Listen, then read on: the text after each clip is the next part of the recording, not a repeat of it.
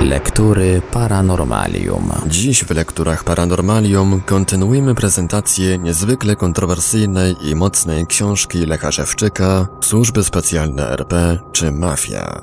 Zapraszamy do słuchania.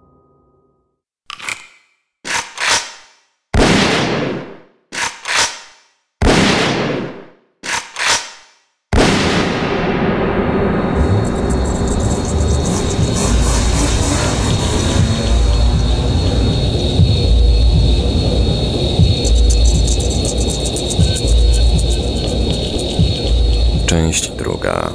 W Polsce, państwie mafii, korupcji i bezprawia.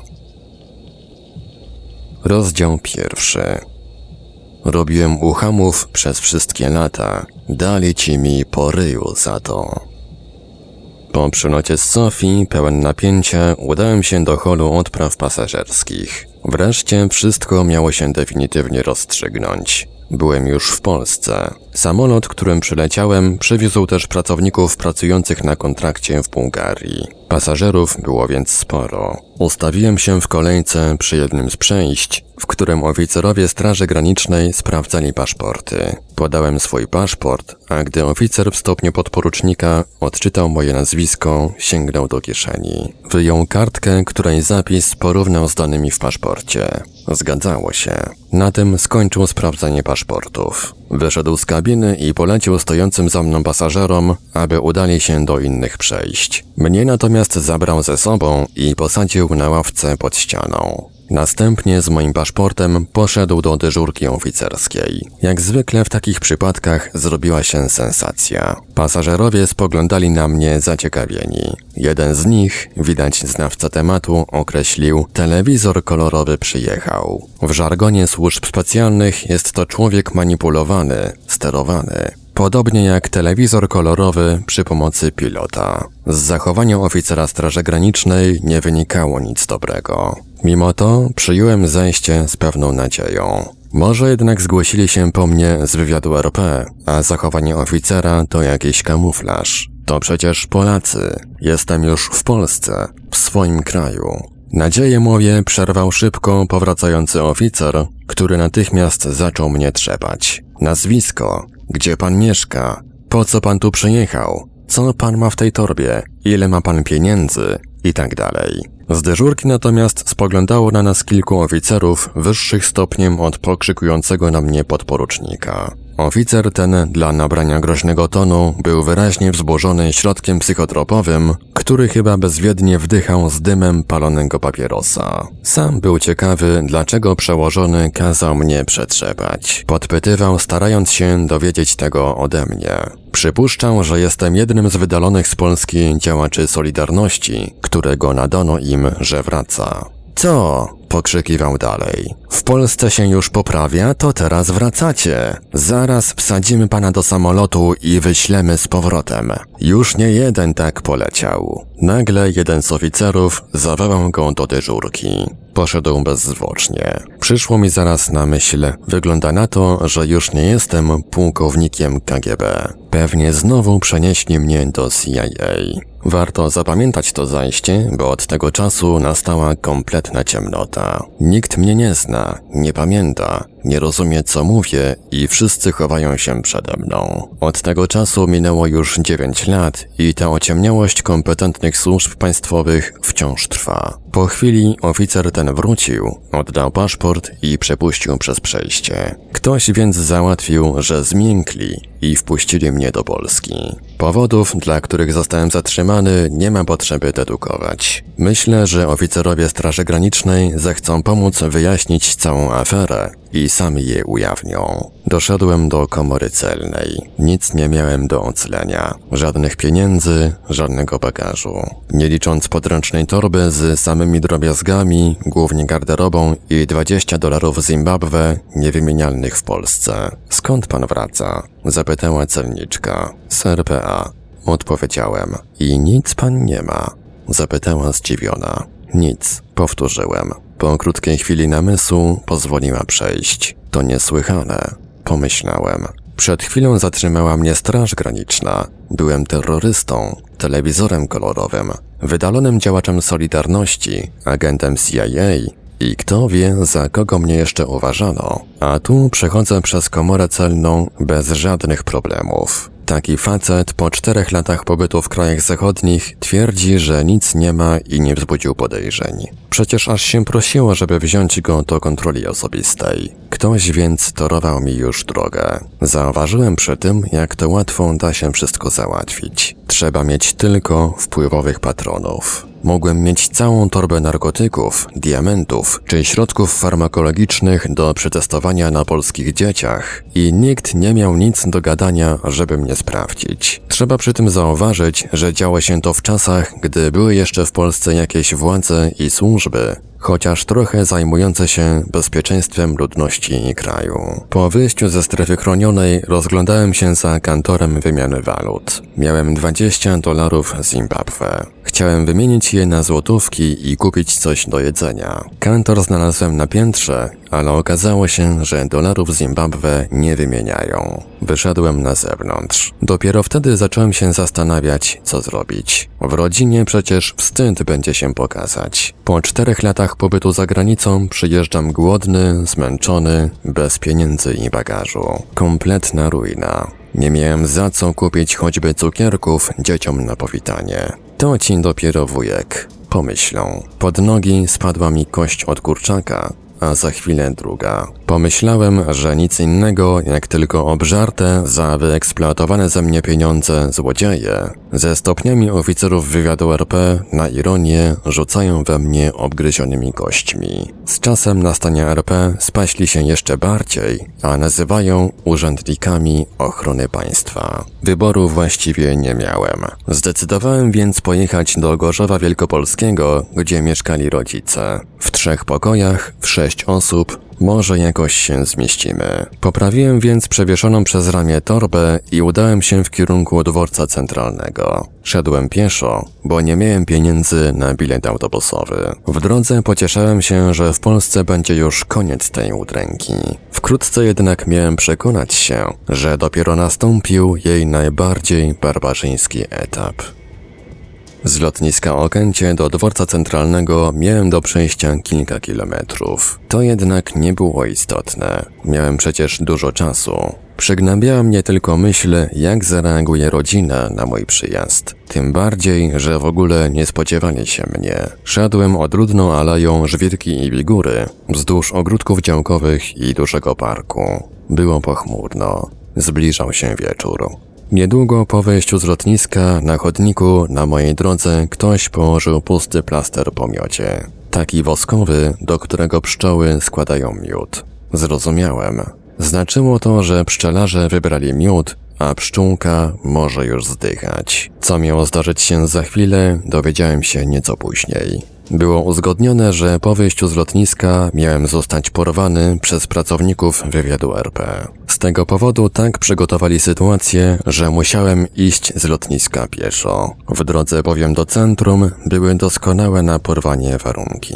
Oczywiście, jako pospolici barbarzyńcy mieli zamiar obezwładnić mnie przy tym bronią psychologiczną, tak abym nie mógł się bronić. Następnie miałem być ponownie sprzedany, jako już nieistniejący, zaginiony człowiek do USA. Pośrednikiem w tym biznesie miał być Douglas, przedstawiciel wytwórni filmowej z USA. Gdyby ten plan się powiódł, nigdy już nie wróciłbym do normalnego życia. Po prostu zniknąłbym na zawsze. To dlatego właśnie nie pozwolili mi poinformować rodziny, że wracam. Ktoś więc doszedłby, że zniknąłem na terenie Polski. Nikt nawet nie zgłosiłby mojego zaginięcia. Tym jednym posunięciem stworzyli sobie dogodne warunki, aby zrobić ze mną po powrocie dokładnie to, co zechcą. Mieli jednak pewien problem. Wtedy były bowiem w Polsce jeszcze jakieś władze i służby, które chociaż trochę zajmowały się ochroną oraz bezpieczeństwem ludności i kraju. To właśnie przez ten system służb poinformowano Straż Graniczną, że wracam i mam być odesłany z powrotem. Natomiast akcję porwania przygotowali zajmujący się prowadzeniem działalności mafijnej na Polakach i Polsce pracownicy wywiadu RP. Mieli wystarczająco duże wpływy, aby szybko zmienić dotyczącą mnie dyspozycję, czego rezultatem było, że wpuszczono mnie do Polski.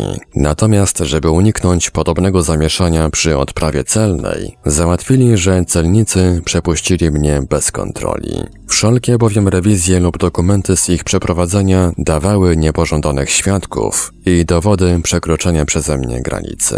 Porwanie miało nastąpić na Alei Żwirki i Wigury, a gdyby to się nie udało, mieli to zrobić w czasie jazdy pociągiem z Warszawy do Gorzowa Wielkopolskiego. To dlatego też załatwili z konduktorami, aby nie wystawili mi biletu kredytowego na przejazd, chociaż zwróciłem się do nich w tym celu. Wtedy bowiem powstałby dodatkowy kłopot, bo konduktorzy mieliby spisane moje dane z paszportu, a więc byłby dowód, że byłem w Polsce. Natomiast, jak już wspomniałem, wtedy w Polsce nie wszystko dało się mafijnym zbrodniarzom tak łatwo zatuszować, jak to mogą robić obecnie. W czasie przejazdu z Warszawy do Gorzowa Wielkopolskiego drużyny konduktorskie zmieniały się dwukrotnie, ale mnie nikt o bilet nie pytał. Plan porwania mnie nie powiódł się, ale to nie normalnie pełniące swoje obowiązki służby specjalne udaremniły go. Mieli przecież wspólny interes, abym zniknął, a więc za odpowiednią zapłatą na pewno by się dogadali. Przeszkodzili w tym inni ludzie, którzy asekurowali mnie przez całą drogę od opuszczenia Zimbabwe. Prawdopodobnie byli to ci sami, którzy pomogli wydostać mi się z RPA. Przez cały czas, aż dotarłem do domu w Gorzowie Wielkopolskim, byli w pobliżu mnie najęci przez nich ludzie, tak, że nie dało się bez świadków zrobić ze mną cokolwiek. Byli w samolocie, na lotnisku w Warszawie, jak również na Alei Żwirki i Wigury. Widzieli też zajście z oficerem Straży Granicznej, czyli gdybym zniknął, dałoby się udowodnić, że przekroczyłem granicę. Tym sposobem oficerowie Straży Granicznej mieli mi zaszkodzić, a w rzeczywistości dużo pomogli. Nałożenie się więc wielu przeszkód spowodowało, że pracownicy wywiadu RP zrezygnowali ze swoich zamiarów. Przypuszczam, że gdyby sytuacja ta zdarzyła się obecnie, za czasów tak zwanego państwa prawa, to żadne przeszkody nie zatrzymałyby ich przed działaniem. Z powodu korupcji i bezprawia w Polsce, zatuszowanie tej zbrodni byłoby dla nich tylko kwestią zapłacenia odpowiedniej sumy pieniędzy. Teraz to oni, zajmujący się prowadzeniem działalności mafijnej pracownicy służb specjalnych RP, sprawują rzeczywistą władzę w Polsce. Tak więc udało mi się bezpiecznie dotrzeć do dworca centralnego, a dalej do Gorzowa Wielkopolskiego. Dotarłem tam rano, przed godziną szóstą.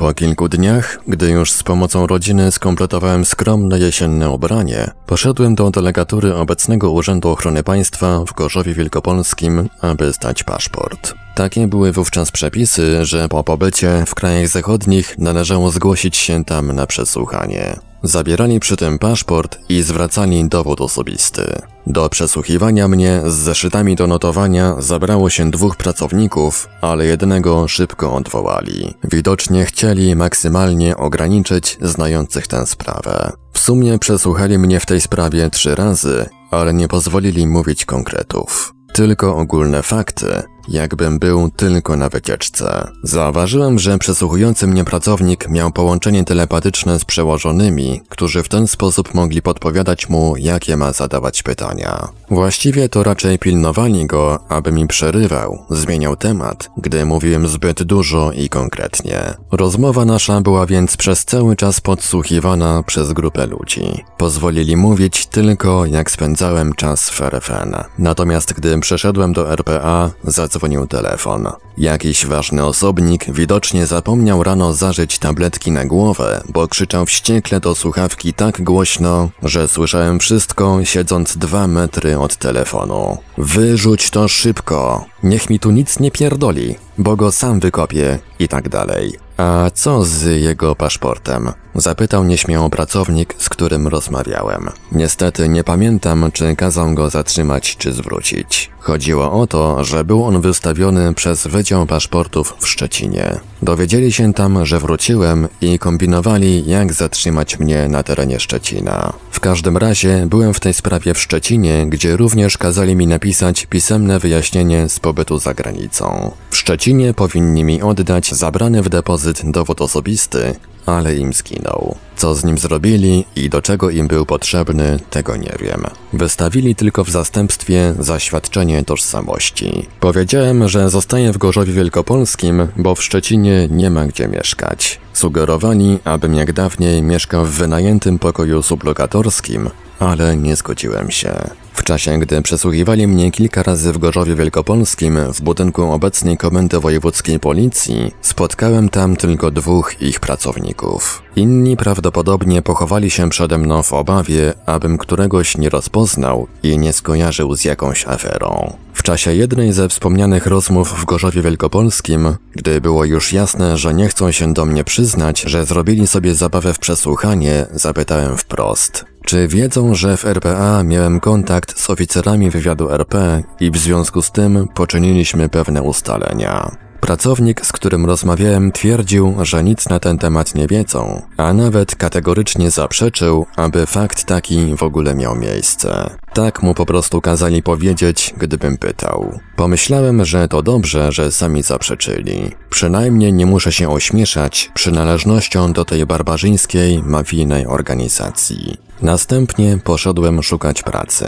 Były to jeszcze czasy, że pracę dało się znaleźć natychmiast. Dla mnie jednak nie było. W urzędzie zatrudnienia, na słupach ulicznych, a także w dziale kadr zakładów mechanicznych wisiały plakaty werbujące do pracy inżynierów i techników do nowo otwieranego wydziału na przedmieściach Gorzowa Wielkopolskiego. Były też etaty w starej części zakładów, ale moje podanie potraktowano negatywnie. Podobnie było w innych przedsiębiorstwach. Mówili, że pracy nie ma. Zgodnie jednak z zasadą, że nie wolno pozbawiać środków do życia również wrogów, pozwolili podjąć pracę. Przygotowali mi miejsce w przedsiębiorstwie Hesów Demezo jako konstruktor oprzyrządowania. Próbowałem pytać jeszcze w innych miejscach, ale zawsze ta sama odpowiedź. Pracy nie ma. Wziąłem tę, którą dali, bo i tak nie znalazłbym innej. Znałem to już z RPA. Trudno powiedzieć, dlaczego wybrali dla mnie właśnie tę firmę. Możliwości inwigilowania mnie mieli przecież wszędzie. Może chcieli, żeby był to niewielki, nie rzucający się w oczy zakład, przez co łatwiej mogli prowadzić zaplanowane na mnie działania. Ciekawostką jest, że przetrwałem niezmiennie na tym samym stanowisku do czasu obecnego. Żelazny konstruktor. Gdy Polska zmieniła nazwę z PRL na RP, zmieniła się też w tej firmie dyrekcja i kadra kierownicza. Moi współpracownicy, będący w opozycji do poprzednich władz, awansowali lub poszli na lepsze. O mnie jednak pracownicy służb specjalnych RP zadbali, aby wszystko zostało tak, jak było. Niezależnie też, że służba bezpieczeństwa zmieniła nazwę na UOP. Mnie znów jakoś tam zakwalifikowali, aby mogli traktować jak uprzednio. Stały opozycjonista, niezależnie od układów politycznych. Coś w rodzaju hrabiego Monte Cristo, więzionego w twierdzy If. W krajach zachodnich byłem KGB, nawet pułkownikiem, natomiast po powrocie do Polski CIA. Z czasem nastania państwa prawa nie wiem, pod kogo oprawcy ci mnie podciągnęli. Możliwe, że znów przenieśli do KGB. Teraz przecież bycie agentem CIA mogłoby być uznane za bohaterstwo. Tak byłoby w kółko, w nieskończoność, bo tu nie chodzi o politykę, lecz o łupy, które ze mnie eksploatują. Tak więc na okrągło robią preteksty, aby usprawiedliwić uprawienie na mnie barbarzyństwa. Ktoś mógłby powiedzieć, że to wina dyrekcji, że wciąż pracuje na tym samym stanowisku. Stanowczo nie. Dzieje się tak stałym działaniem urzędników ochrony państwa i żadna dyrekcja temu nie przeszkodzi. Od pewnego jednak czasu sytuacja ta przyniosła mi korzyści. Również to, że umieścili mnie w tym właśnie przedsiębiorstwie, bo najdłużej w Gorzowie Wielkopolskim zachowało dobrą kondycję finansową. Wszystkie inne pracownicy służb specjalnych RP szybko rozstroili, rozkradli lub zniszczyli tak, że ledwo wiążą koniec z końcem. Po kilku tygodniach od daty zdania paszportu dostałem z SB wezwanie, abym stawił się tam ponownie. Doręczył je ten sam pracownik, który uprzednio mnie przesłuchiwał. Po zgłoszeniu się w wyznaczonym terminie zawiózł mnie do hotelu Stilon w Gorzowie Wielkopolskim. Wciąż był to ten sam człowiek, jakby w służbach specjalnych w Gorzowie Wielkopolskim był tylko jeden pracownik, który nie musiał chować się przede mną. Po co mnie tam zawiózł, dowiedziałem się dopiero na miejscu. W pokoju, do którego mnie zaprowadził, na stole stał przygotowany do użycia wykrywacz kłamstw. Praktycznie postawili mnie przed faktem dokonanym, bo należało uprzednio zapytać, czy zgadzam się na taki test. Komuś więc bardzo zależało, aby mnie w ten sposób sprawdzić. Mogli to być tylko ludzie zajmujący się w służbach specjalnych bezpieczeństwem. Ci bowiem, zajmujący się prowadzeniem działalności mafijnej, znali każdy szczegół mojego życiorysu. Wykrywacza więc nie potrzebowali. Obsługujący wykrywacz zapytał jednak dla formalności, czy zgadzam się poddać takiemu testowi. Zgodziłem się. Do ukrycia nic nie mam.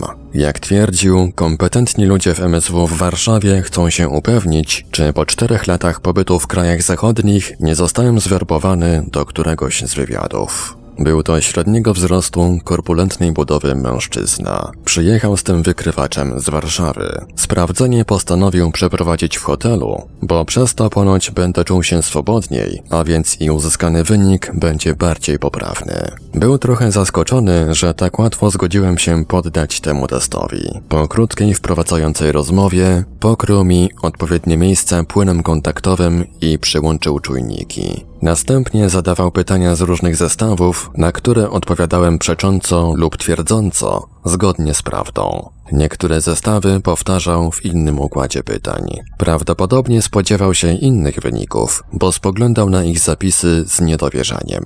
Wykazały bowiem jeszcze wtedy, że jestem agentem wywiadu RP. Powstał więc liczący się dowód, że jednak pracownicy wywiadu RP nawiązali ze mną w RPA współpracę i wyzyskiwali mnie. Jeżeli więc twierdzą, że mnie nie znają, to po prostu kłamią. Wynik uzyskany z wykrywacza kłamstw jest dla nich dużym kłopotem. Jest to przecież dowód potwierdzający podane przeze mnie fakty. Niedługo jednak obie grupy dogadały się i wspólnie zaczęły eksploatować ze mnie łupy. Z tego właśnie powodu dowód ten nie pociągnął szeregu innych działań. Wiadomo przecież, że w wywiadzie nie pracuje się za darmo. Którzy to więc oficerowie wywiadu RP ukradli pieniądze, które powinni przekazać mi jako pensję i na działalność? Szacuję, że jest to w granicach 50 tysięcy dolarów amerykańskich. Ktoś przecież pobierał te pieniądze z kasy, podpisywał pokwitowania i musiał złożyć raport z ich rozliczenia. Idąc dalej tym śladem, dałoby się ustalić, kto był w grupie wysłanej do RPA i tak dalej, aż do sedna całej afery.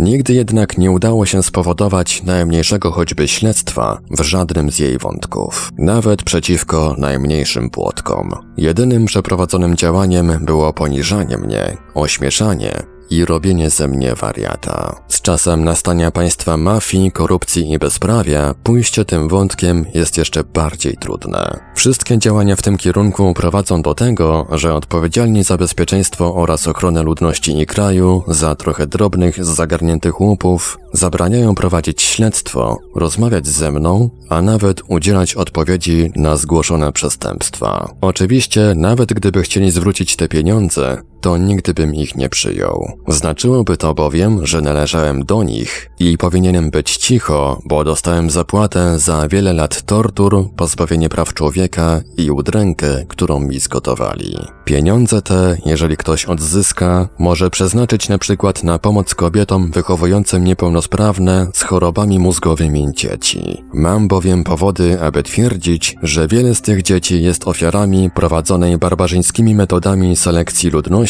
oraz prowadzonych doświadczeń medycznych i eksperymentów genetycznych. Sprawcami tych zbrodni są właśnie zajmujący się prowadzeniem działalności mafijnej pracownicy służb specjalnych RP, także ci wplątani w afery, które ujawniam.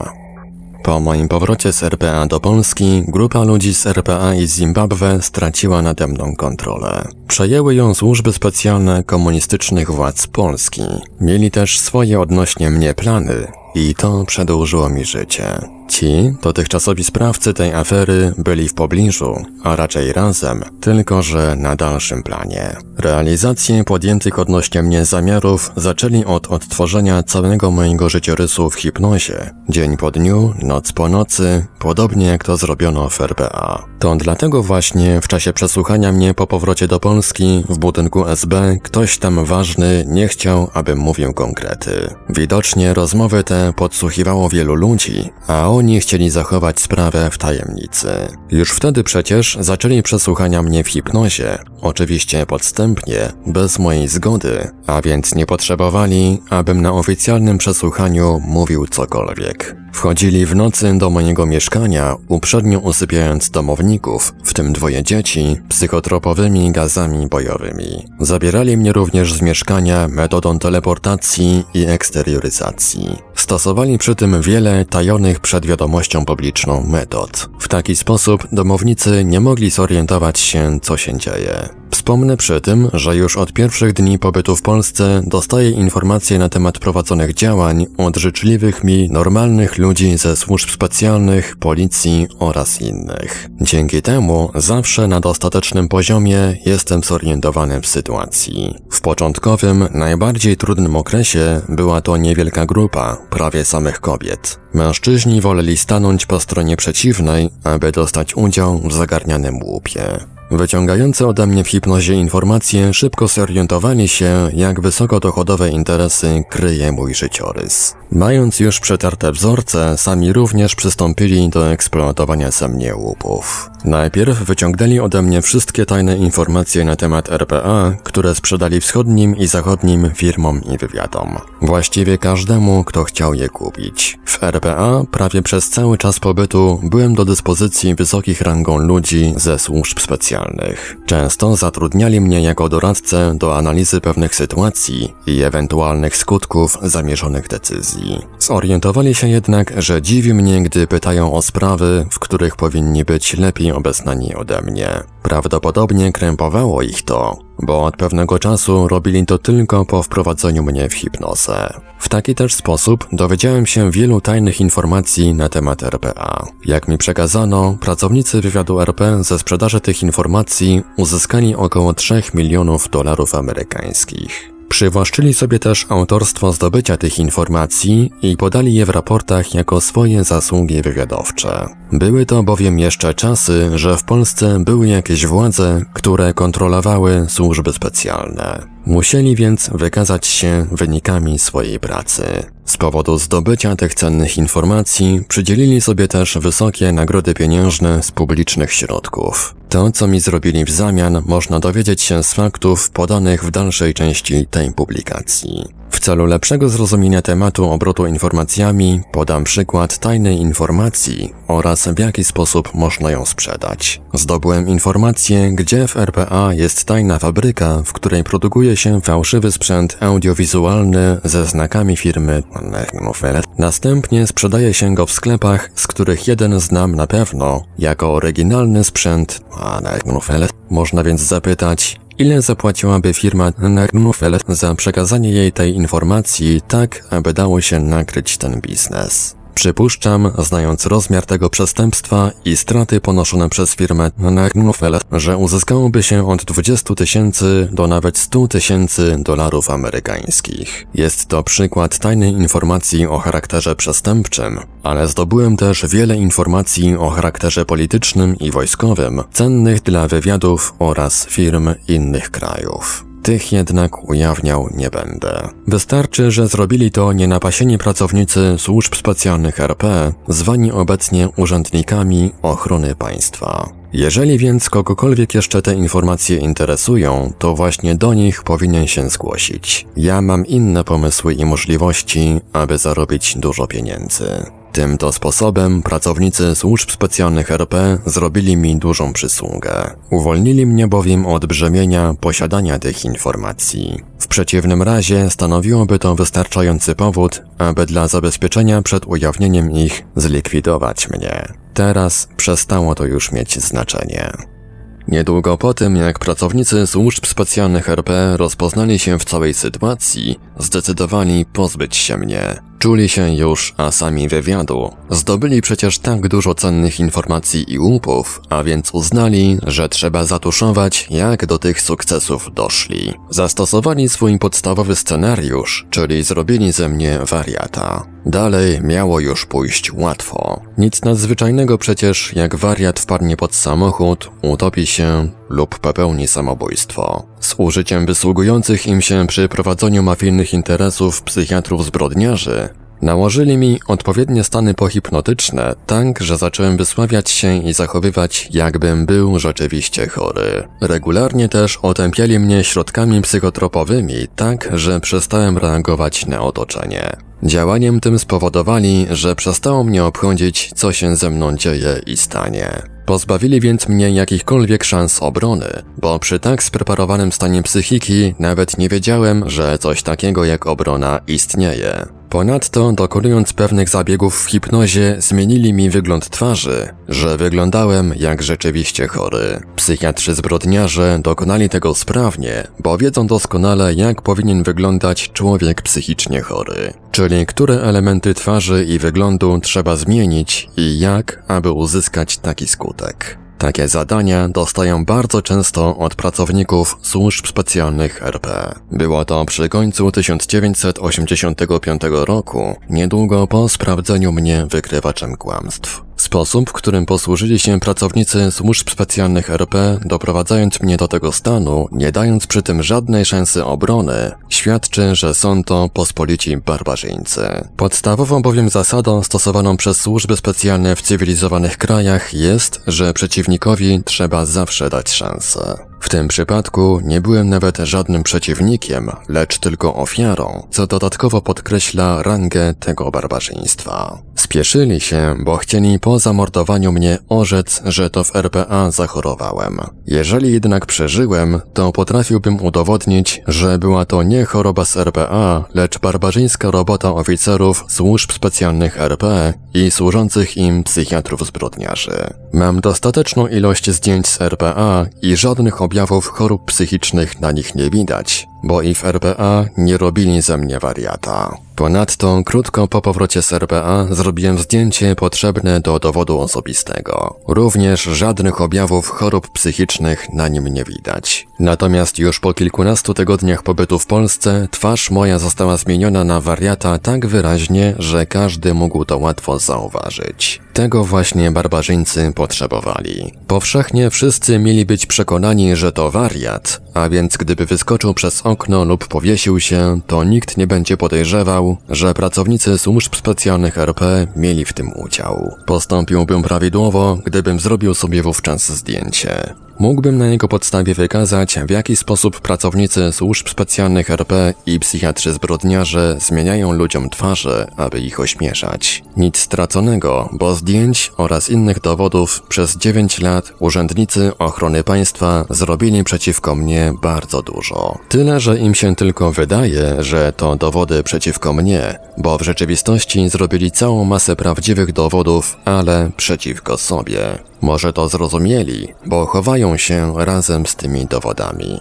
Jakoś nie chcą przekazać ich choćby do dyspozycji prokuratora, tak abym i ja mógł je zobaczyć. Może boją się, że na podstawie tego olbrzymiego materiału, który przeciwko mnie spreparowali, potrafię udowodnić, w jaki sposób uprawiają barbarzyństwo na ludności. Pokazują te dowody tylko dyskretnie ludziom, którzy się na tym nie znają, aby zrazić ich do mnie, nastawić wrogo. Również na ich podstawie przekonują, że biorąc łapówkę za tuszowanie tej afery, niczym się nie ryzykuje, bo w razie czego z takimi dowodami bez problemu załatwią mi w sądzie RP kilka razy karę śmierci. W tym czasie zmienili mi też programem podpis na prosty, prymitywny znak w postaci wężyka. Tak trzymają do czasu obecnego, również jako urzędnicy ochrony państwa. Tą samą metodą zniekształcili mi charakter pisma. Od tego czasu, gdy wezmę długopis do ręki, natychmiast z powodu nałożonego mi programu ręka staje się częściowo drętwa, bezwładna, tak, że zamiast podpisu wychodzi najwyżej wężyk, a zamiast pisma najwyżej baskroły.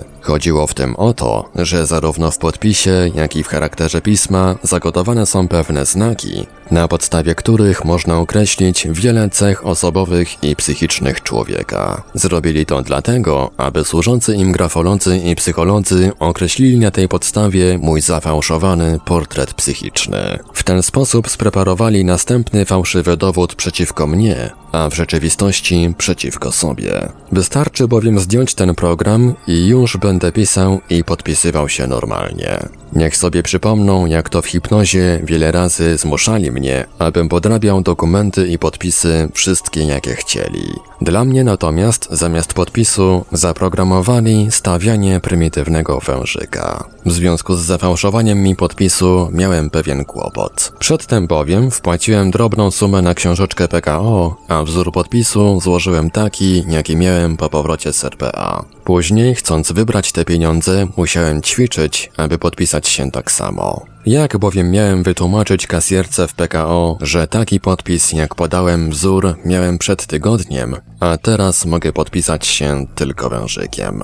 Wkrótce jednak ludzie, którzy asekurowali mnie od RPA, napomnieli pracowników służb specjalnych RP, aby dali mi szansę obrony. Właściwie postawili im ultimatum, że jeżeli tego nie zrobią, to wszystkie informacje na temat popełnionych przez nich zbrodni zostaną opublikowane. Dzięki temu sytuacja moja uległa zdecydowanej poprawie. Objawy chorób psychicznych w moim zachowaniu znacznie usunęli, jak również moja twarz w ciągu kilku dni wróciła prawie do normalnego stanu. Zostawili mi w wyrazie twarzy tylko tło psychopaty, z biegiem czasu wzmacniane. Z tym jednak daje się jakoś żyć. Nasielili mi za to robienie różnych dokuczliwości fizycznych i psychicznych. Każdy z wplątanych w tę aferę chciał mieć w tym zasługi. Zrobili swoje popisy. Wszyscy na jednego, na dodatek pozbawionego możliwości obrony. Tak utrzymują do czasu obecnego. Znosić jest to coraz trudniej, bo jako barbarzyńcy posługują się bronią psychologiczną. Wciąż organizują kłopoty i intrygi w rodzinie, pracy i miejscach publicznych. Przede wszystkim nastawili się na straszenie mnie oraz nakładanie uciążliwych stanów psychicznych. Tak więc nie dali za wygraną, lecz innymi stosowanymi w Polsce metodami zdecydowali robić ze mnie wariata. Próbowali też zaprogramować mi skłonności do alkoholu, tak aby zrobić ze mnie alkoholika i zsunąć na margines społeczny. Wybroniła mnie z tego wspomniana grupa pomagających mi agentek. Przyznam, że w kontekście minionych faktów i na stałej sytuacji prawie że wpadłem w rozterkę. Chciałem wreszcie odpocząć od tych spraw, a tu zrobiło się jeszcze gorzej. Pomyślałem, że teraz jestem przecież w Polsce, wśród Polaków i co oni ode mnie chcą. Przecież ja nigdy im ani komukolwiek innemu nie zrobiłem cokolwiek złego. Jeżeli były takie fakty, to zawsze byłem tylko narzędziem, którym w hipnozie wysługiwali się często ci sami właśnie ludzie. Mogłem zrozumieć, że eksploatują, bo w ten sposób zgarniają olbrzymie łupy, ale dlaczego znęcają się i to z użyciem broni psychologicznej, metod i środków operacyjnych? Pomyślałem, że może gdy już wszyscy z nich nasycą swoją zazdrość, i wyładują sadyzm, to przecież przestaną, pozwolą zacząć normalne życie. Myliłem się, nie przestawali, a wręcz przeciwnie, przerabiali na mnie wciąż następne instrukcje, których mają opracowanych wiele, właśnie w celu uprawiania na bezbronnych ludziach barbarzyństwa. Ktoś życzliwy poinformował mnie, abym szybko coś zrobił, bo pracownicy służb specjalnych RP jeszcze trochę pobawią się mną i wkrótce zamordują. Wreszcie dotarło do mnie, co się dzieje. Zrozumiałem, że przecież są to osobnicy psychicznie chorzy, jedni wielokrotnie zreinkarnowani, a inni wyszukani od przedszkoli ze skłonnościami do mordowania, sadyzmu i uprawiania zwyrodniałych zboczeń. Oni więc pasjonują się tym, co robią. To jest ich największa radość życia, to ich podnieca. Tak też właśnie zaspokajają swoje choroby psychiczne, a więc nigdy nie przestaną mnie dręczyć. Zauważyłem, że robią mi testy na zboczenia oraz inne, a jak się dowiedziałem, aby znaleźć jakiś pretekst dla swoich barbarzyńskich poczynań. Zabawne, że patologiczni zboczeńcy szukali u mnie skłonności do zboczeń, aby mieć usprawiedliwienie i pretekst dla zaspokajania swoich chorób psychicznych. Kontynuowali, mimo że żadnych pretekstów nie znajdowali.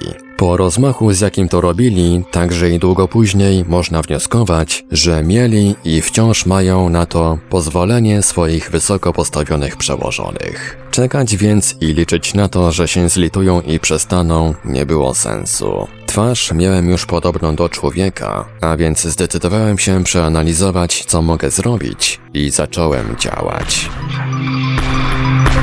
thank you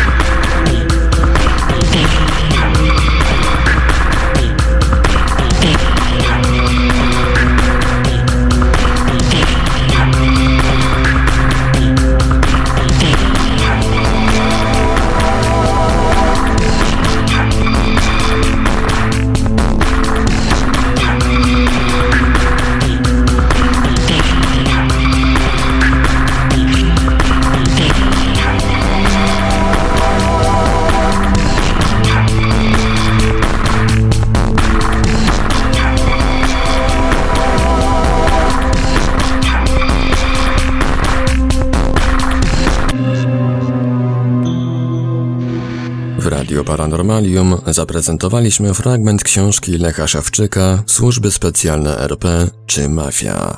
Dalszy ciąg w kolejnym odcinku Lektur Paranormalium. Archiwalne odcinki Lektur Paranormalium znajdziesz do pobrania w archiwum naszego radia na stronie www.paranormalium.pl.